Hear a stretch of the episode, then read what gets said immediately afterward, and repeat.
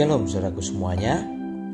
Berjumpa kembali di dalam renungan firman Tuhan Dan kali ini saya berikan judul Waktu Tunggu.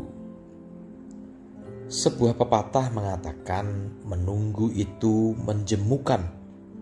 Tidak salah sih Tapi juga tidak sepenuhnya benar.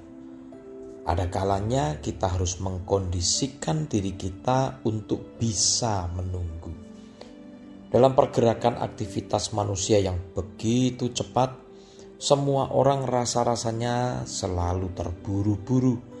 Semua ingin serba cepat, segera selesai urusan satu dan pindah ke urusan yang berikutnya. Dapat target yang satu, segera sibuk dengan target berikutnya. Begitu terus-menerus, sehingga banyak orang kemudian kehilangan kesabaran kehilangan ketenangan dan salah satu yang menurut saya sangat terkikis adalah kemampuan seseorang untuk menunggu. Kali ini kita akan belajar tentang pentingnya the art of waiting atau seni menunggu. Dan sudah barang tentu kita akan belajar dari sumber terbaik yaitu Alkitab. Kita akan belajar dari beberapa tokoh utama yaitu Abraham, Yakub, Yusuf, Musa dan Yosua. Kejadian 18 ayat 14. Adakah sesuatu apa pun yang mustahil untuk Tuhan pada waktu yang telah ditetapkan itu tahun depan aku akan kembali mendapatkan engkau pada waktu itulah Sarah mempunyai seorang anak laki-laki. Pelajaran pertama kita belajar dari Abraham dan Sarah. Menunggu janji Tuhan untuk mendapatkan anak bagi mereka begitu lama sampai mereka mungkin sudah tidak berharap lagi. Karena apa? Ya karena secara fisik sudah tidak memungkinkan lagi mereka sudah sama-sama tua.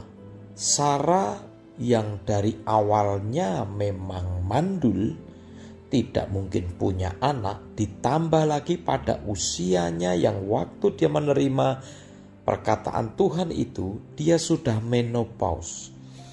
Jadi apalagi yang bisa diharapkan? Saya pikir itu sebuah waktu tunggu yang sangat lama.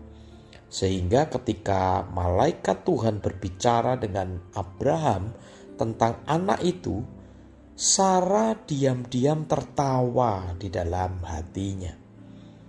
Tertawa bukan karena gembira atau bahagia, tetapi Sarah saya pikir tertawa sinis dan dia menafikan semua kata-kata malaikat Tuhan itu.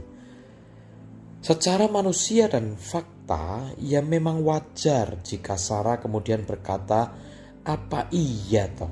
Apa mungkin toh? Dan inilah salah satu isi yang akan kita temukan di dalam sebuah waktu tunggu. Jika kita sudah menantikan sangat lama apa yang kita doakan sampai kemudian sudah capek untuk berharap, Terus kemudian ada yang membicarakan lagi dengan kita tentang hal itu, saya yakin kita pun juga bisa mengatakan hal yang sama. Apa iya toh? Apa mungkin toh? Apa Tuhan itu masih mendengar doa saya?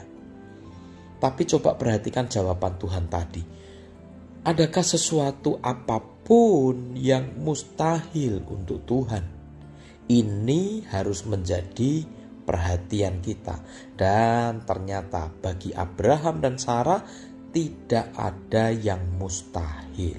Dalam kondisi Sarah mandul, dalam kondisi mandul plus menopause sehingga secara medis sudah tidak mungkin bisa punya anak, usia yang sudah tua. Di situ kuasa Tuhan tetap berkuasa. Jadi ini bisa menjadi pelajaran bagi kita bahwa berapapun lamanya waktu tunggu Abraham dan Sarah, berapapun lamanya waktu tunggu Anda dan saya, Tuhan tetap berkuasa. Amin. Nah, sekarang kita belajar dari Yakub. Kejadian 29 ayat 18 dan 20. Yakub cinta kepada Rahel. Sebab itu ia berkata, Aku mau bekerja padamu tujuh tahun lamanya untuk mendapatkan Rahel, anakmu yang lebih muda itu. Jadi bekerjalah Yakub tujuh tahun lamanya untuk mendapatkan Rahel itu. Tetapi yang tujuh tahun itu dianggapnya seperti beberapa hari saja karena cintanya kepada Rahel. Saudara, Yakub melewati waktu tunggunya untuk mendapatkan Rahel kekasih hatinya dengan cara yang unik sekali.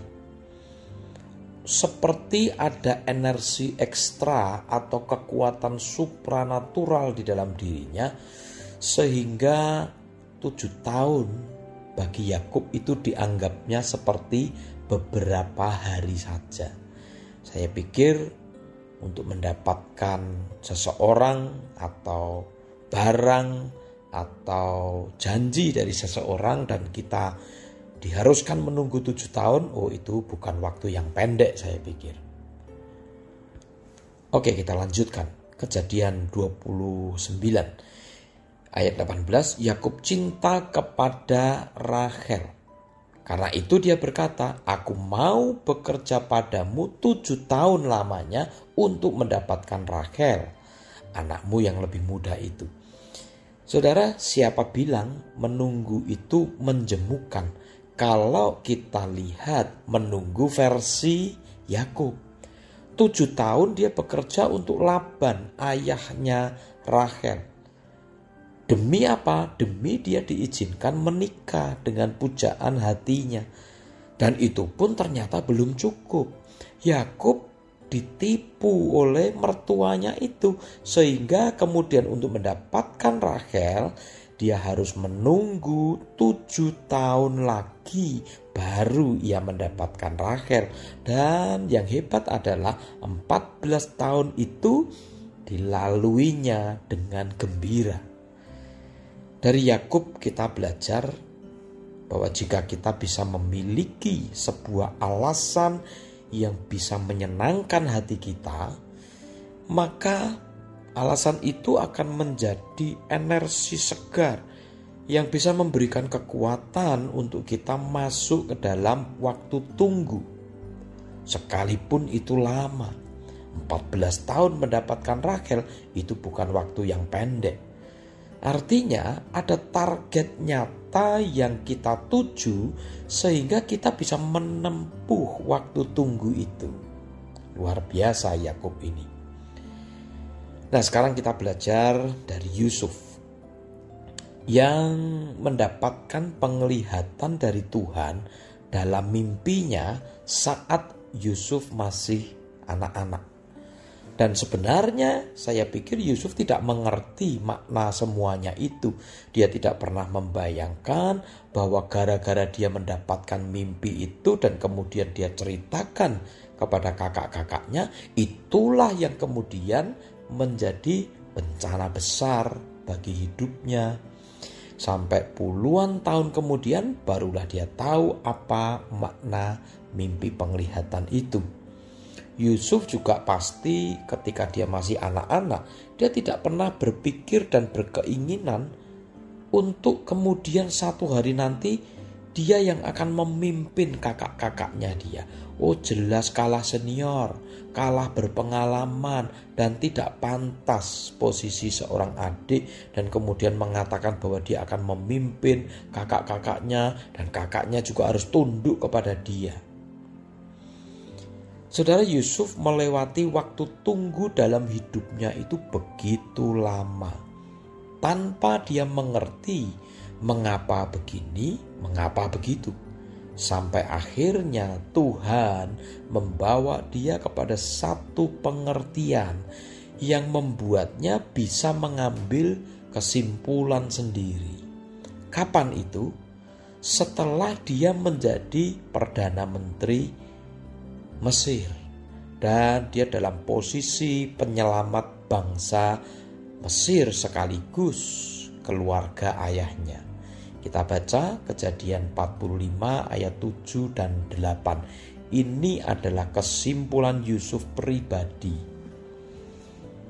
Maka Allah telah menyuruh aku mendahului kamu untuk menjamin kelanjutan keturunanmu di bumi ini dan untuk memelihara hidupmu sehingga sebagian besar daripadamu tertolong.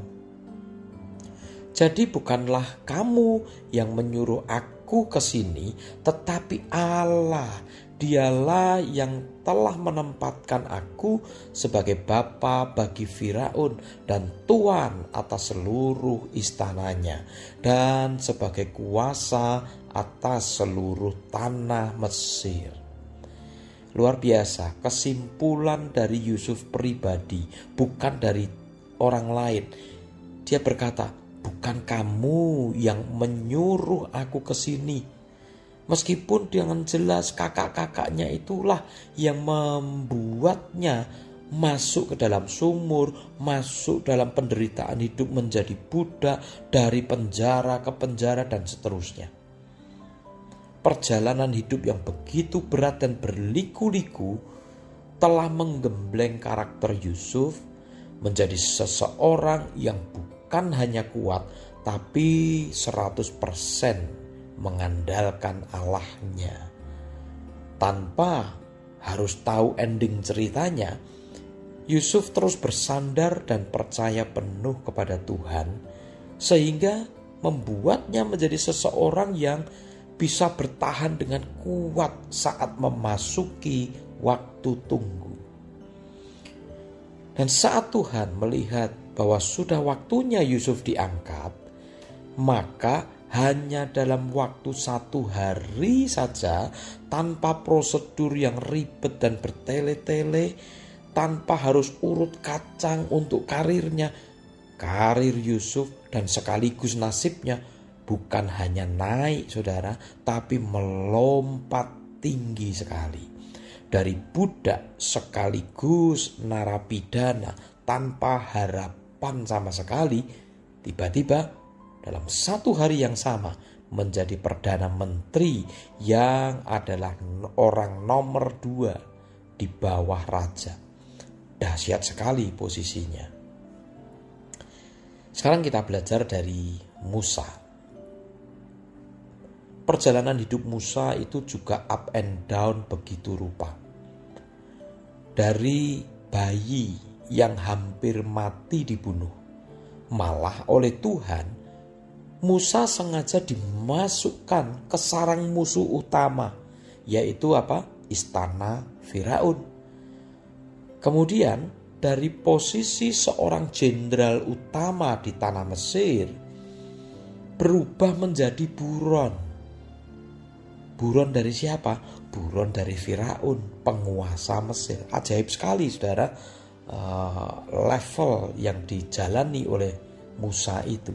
Dan kemudian akhirnya Musa menjadi penggembala domba mertuanya. Dia tidak punya domba sendiri. Dia menggembalakan domba mertuanya. Tapi setelah waktu tunggu itu dilewatinya, maka Tuhan mengangkatnya menjadi the deliverer, pembebas bangsa Israel serta kemudian akhir hidup Musa itu menjadi nabi besar bagi bangsa Israel. Demikian juga dengan anak rohaninya Yosua yang mengikuti Musa sejak masa mudanya. Menjadi salah satu tim inti pasukan perangnya dan juga menjadi salah satu pengintai tanah Kanaan dan Yosua itu juga adalah ajudan yang setia saat Musa dipanggil Tuhan supaya naik ke gunung Allah untuk menerima instruksi ilahi. Dan saudara perlu tahu Yosua melewati masa tunggunya itu begitu lama, kurang lebih 40 tahun. sampai tiba waktu Tuhan atas dirinya. Kita baca Yosua 3 ayat 7. Dan Tuhan berfirman kepada Yosua, "Pada hari inilah aku mulai membesarkan namamu di mata seluruh orang Israel, supaya mereka tahu bahwa seperti dahulu aku menyertai Musa, demikianlah aku akan menyertai engkau. Saudara, sejak Tuhan menetapkan Yosua sebagai pemimpin terpilih, dan Tuhan menyatakan mujizat dahsyat untuk meneguhkan pilihannya itu, maka posisi, status, kewibawaan Yosua itu berubah total. Mungkin di sekeliling Yosua ada juga orang lain yang selevel dengan dia, bahkan mungkin lebih senior. Katakan ada Kaleb, teman seperjuangannya ketika mengintai tanah Kanaan. Tetapi saudara, kalau waktu Tuhan itu sudah tiba atas seseorang, maka senioritas itu bukanlah penghalang bagi Tuhan untuk mengangkat anda dan saya. Nah, saudaraku, kita sudah belajar dari beberapa tokoh besar di Alkitab yang sudah melewati masa tunggu atau waktu tunggu di dalam hidupnya masing-masing. Dan kita lihat mereka semua mengakhiri hidupnya, mengakhiri semua pertandingan dalam hidupnya itu dengan sangat baik baik karena dia tahu apa yang Tuhan janjikan ataupun dia tidak tahu. Tapi satu benang merah yang kita bisa pelajari adalah mereka semuanya terus berpegang erat kepada Tuhan dengan imannya masing-masing. Apa pun cerita dan alasannya, kita bisa melihat bahwa semuanya itu happy ending dan nama Tuhan dimuliakan. Nah, sudah pendengar semuanya, pelajaran apa yang bisa kita petik dari renungan ini? Tuhan itu punya timingnya yang absolut, mutlak dan tidak terpengaruh oleh situasi seperti apa pun juga seolah buat kita itu sangat sulit, itu sangat lama, sudah lama, kita sudah tidak tahan lagi, tapi Tuhan tetap punya timingnya sendiri. Dia mampu mengubahkan hal yang mustahil menjadi kenyataan, seperti apa yang dialami Abraham. Tuhan juga mampu mempercepat proses kehidupan yang tadinya seperti sangat lambat, seperti yang dialami Yusuf. Kemudian, Tuhan mampu membebaskan satu bangsa dari jerat nasib, seperti yang dialami oleh bangsa Israel pada zaman Musa. Apalagi, saudara, hanya untuk satu orang, yaitu Anda dan saya. Apa sih yang tidak bisa Tuhan lakukan? Kalau sudah tahu seperti itu, lalu kenapa Anda masih gelisah, khawatir, dan terus takut? Saudara, saya tahu memang tidak enak masuk ke dalam waktu tunggu itu, tapi yakinlah bahwa Tuhan akan membiarkan Anda men, eh, tidak akan membiarkan Anda menunggu dengan sia-sia pasti ada tujuan dan hasil yang cemerlang yang akan Anda dan saya dapatkan. Tapi jika Anda dan saya tidak menjadi lemah. Karena itu saya berdoa, tetaplah sabar, tetaplah beriman, tetaplah percaya, tetaplah berjalan di dalam rencana dan kehendak Tuhan. Dia tidak akan memandang sebelah mata. Dia akan terus mengamati kita dan kalau waktu Tuhan sudah tiba, maka selesailah waktu tunggumu dan engkau akan menikmati kemuliaan yang hebat dari Tuhan. Tuhan memberkati.